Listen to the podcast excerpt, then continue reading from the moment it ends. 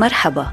أنا غادة الخليل وأدعوكم إلى مرافقتي في التنقل بين الأسطر والحروف في احكي لي.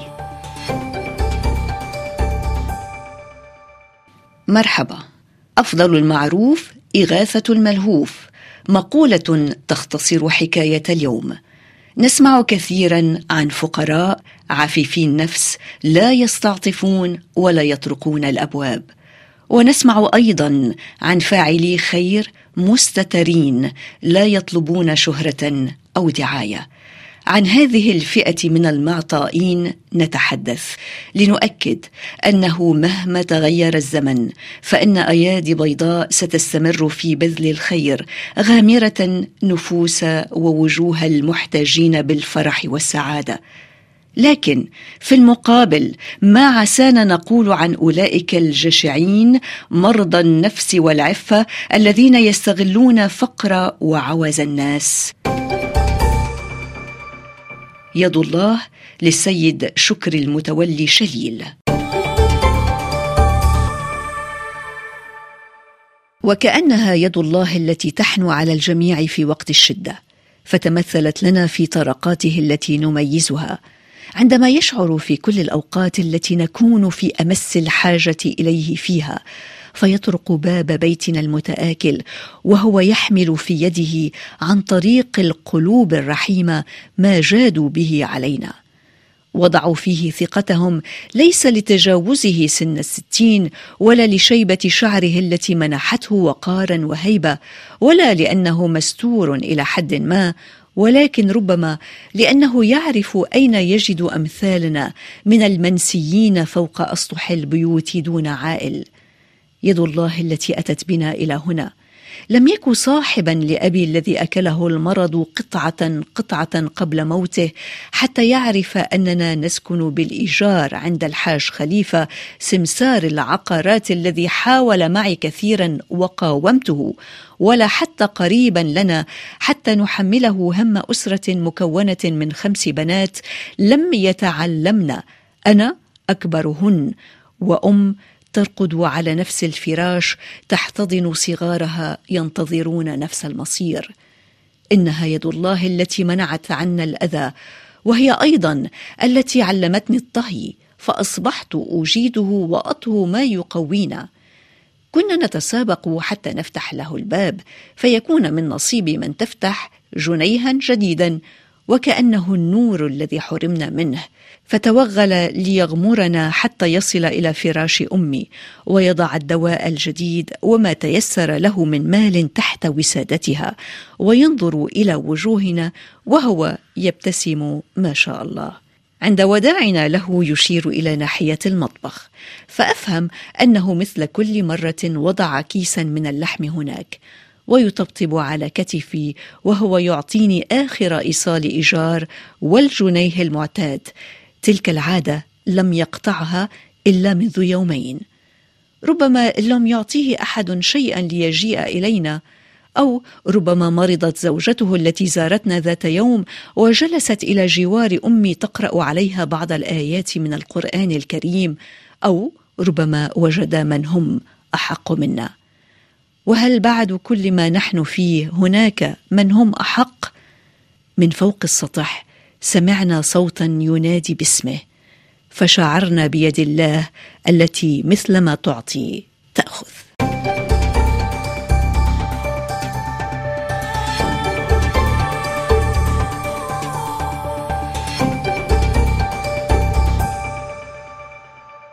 قصة اليوم بعنوان يد الله للسيد شكري المتولي شليل من مصر. الدكتورة سعاد العنيزي الكاتبة والناقدة الكويتية تنضم إلينا لإعطاء ملاحظاتها على هذه القصة القصيرة. تفضلي دكتورة سعاد بعد التحية لحضرتك. أهلا وسهلا بك. أنا حقيقة تعاطفت كثيرا مع هذه القصة وأحببت عوالمها. الجميل في هذه القصة أن تعيد ومضة أمل للمتلقي العام. كون غالبية القصص اليوم تكتب عن الفساد وعن سوء الأحوال وعن قسوة البشر وغيرها من الأمور.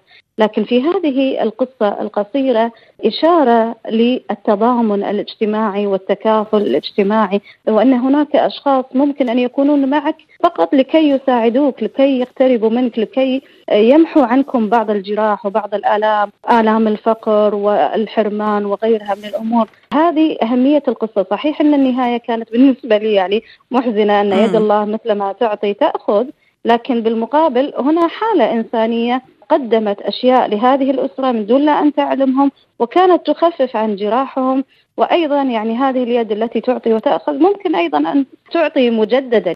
لكن الحالة الإنسانية التي وصفت في هذه القصة تبين أهمية التضامن الاجتماعي في مجتمعات أصبحت براغماتية أصبحت تعاني من القسوة تعاني من كثير من الأمور. وعلى الأدب أن يسلط الضوء على الجوانب الإنسانية الممكنة والمتاحة في هذه الحياة المعاصرة. أعلم أنها قاسية أعلم أن هناك عدمية أعلم أن هناك فقر. ولكن أيضا علينا اليوم أن نلعب دورنا الإنساني ونقدم الصور الإنسانية المضيئة. وأنا أعتقد يعني وأؤمن أن الأدب الصور التي يقدمها في الأدب سواء كانت إيجابية أو سلبية قد تؤثر على وعي المتلقي وقد تصنع له هوية ما ودورا ما ورؤية ما للحياة. وهذا أيضا يعني نوع من لا أريد أن أقول التبشير كأن الأدب طريقة أيديولوجية بحتة ولكن هي صورت تصوير جميل للعطاء الإنساني وبالتالي ساهمت بتقديم حالة إنسانية جميلة حقيقة عندما نقرأها نشعر بالسعادة وبالتضامن أيضا مع هذه الشخصيات. يعني مثلا هنا باللغة تقول تعلمت الطهو. هي هل لم تتعلم الطهو لأنها ثرية ومترفة أم لأنها لا ليس لديها شيء تطهوه نعم. فعندما يأتي بهم ويقدم لهم اللحم هنا هي تطهو. فهذه يعني أيضا كشفت اللغة عن هذا هذه الأشياء من دون لا تكون بطريقة مباشرة فقط طريقة إيحائية. ونحن نفهم هذه الكلمة في سياق إنها فقيرة ولا تملك لحم ولا تملك ما يجعلها تطبخ فتعتمد على الأشياء البسيطة يعني. فهذه أيضا من النقاط المهمة. ذكرتي دكتورة سعاد العنيزي هلأ بإطار حديثك قلتي نوع من التبشير أو نوع من التفاؤل. فهل يعني هذه القصة علينا خصوصا الكتاب أن يكثروا من هذا النوع من القضايا اللي يلقون الضوء عليها لإعطاء دفع للمجتمع لمن هم في هذا المجتمع بأن مدوا يد العون؟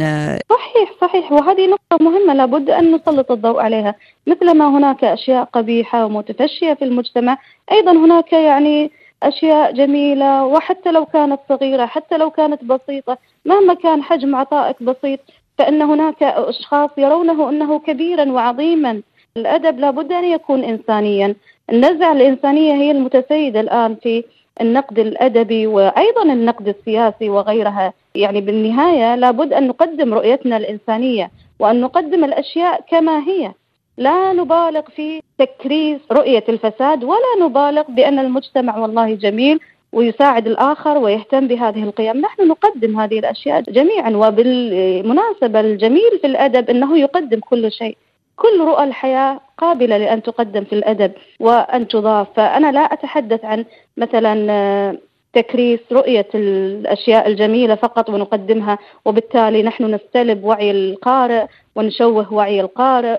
ونخفي قضايا الفساد فهذه نعم. من النقاط المهمة أيضا النقطة المهمة حتى عندما نتحدث عن الفساد نحن نتحدث عن تيمات أصبحت مكررة بينما مم. هناك قضايا إنسانية لا أحد يتحدث عنها يمكن هذه القصة القصيرة يمكن بتأكد لنا أنه لا يزال هناك فاعل خير فاعل الخير هذه بهالقصة هو مخفي وغير معلن بمعنى أنه هي لم تذكر اسم فاعل الخير بينما صحيح. ذكرت اسم الحاج خليفة السمسار العقارات الذي.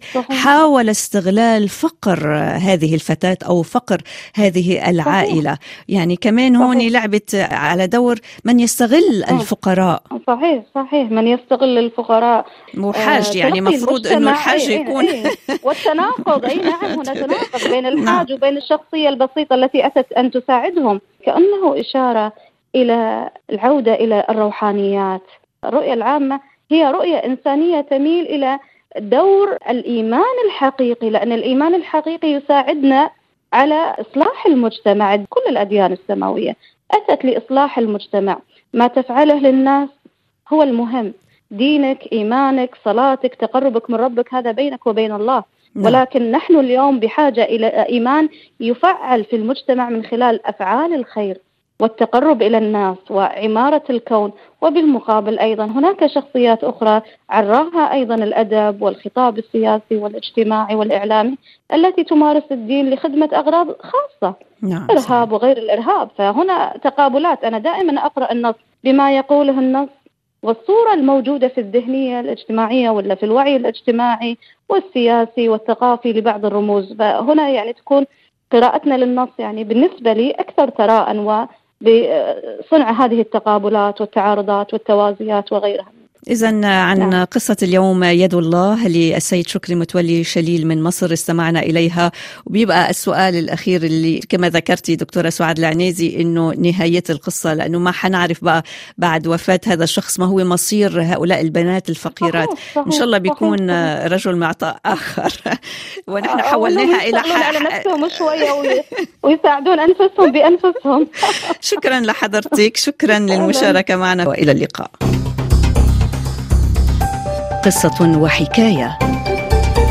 وأنا غادة الخليل أقول لكل صاحب حكاية احكي لي احكي لي بودكاست أصلي جديد لمونتي كارلو الدولية تجدونه على تطبيقاتنا وعلى منصات البودكاست. إلى اللقاء.